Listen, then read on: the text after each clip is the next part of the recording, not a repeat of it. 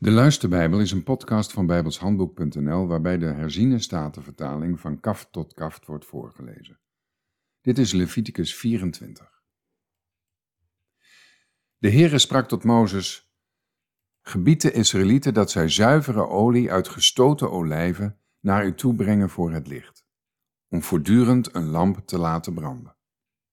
Aaron moet die voor het aangezicht van de Heere voortdurend verzorgen, van de avond tot de volgende morgen aan de buitenkant van het voorhangsel van de getuigenis in de tent van ontmoeting. Het is een eeuwige verordening, al uw generaties door. Op de kandelaar van zuiver goud moet hij de lampen voor het aangezicht van de Heere voortdurend verzorgen. Verder moet u meelbloem nemen en er twaalf koeken van bakken. Eén koek moet twee tiende eva zijn. U moet ze dan in twee rijen leggen, zes per rij, op de tafel die met zuiver goud overtrokken is voor het aangezicht van de Heere.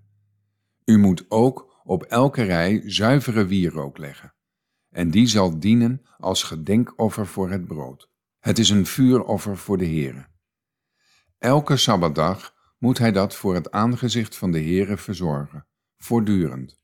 Omwille van de Israëlieten is het een eeuwig verbond. Het brood is voor Aaron en zijn zonen. Zij moeten dat op de heilige plaats eten.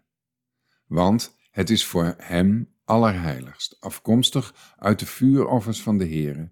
Het is een eeuwige verordening. Eens trok de zoon van een Israëlitische vrouw, die tevens de zoon van een Egyptische man was, die te midden van de Israëlieten woonde, erop uit.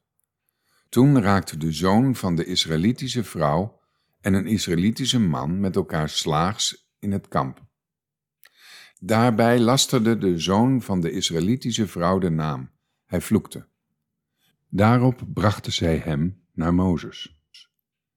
De naam van zijn moeder was Selomith, de dochter van Dibri. Zij behoorde tot de stam Dan. Zij namen hem in echtenis om in afwachting van het bevel van de Heere over hem een beslissing te nemen. De Heere sprak tot Mozes: Breng hem die gevloekt heeft buiten het kamp.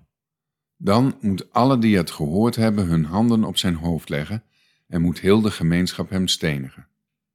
En tot de Israëlieten moet u spreken, iedereen die zijn God vloekt, moet zijn zonde dragen. Wie de naam van de Heere lastert, moet zeker ter dood gebracht worden. Heel de gemeenschap moet hem zeker stenigen. Zowel de vreemdeling als de ingezetene moet zeker gedood worden als hij de naam gelasterd heeft. Ook als iemand welke mens dan ook om het leven brengt, moet hij zeker gedood worden.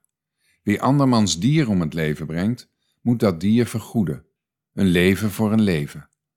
Als iemand zijn naaste letsel toebrengt, moet hem hetzelfde aangedaan worden wat hij gedaan heeft, breuk voor breuk, oog voor oog, tand voor tand. Zoals hij de andere letsel heeft toegebracht, moet hem hetzelfde toegebracht worden. Wie een dier doodslaat, moet dat vergoeden, maar wie een mens doodslaat, moet ter dood gebracht worden. Voor u geldt één recht, zowel voor de vreemdeling als voor de ingezetene, want ik ben de Heere, uw God. Zo sprak Mozes tot de Israëlieten. Toen brachten zij hem die gevloekt had buiten het klamp en stenigden hem met stenen. En de Israëlieten deden zoals de Heere Mozes had geboden. Tot zover.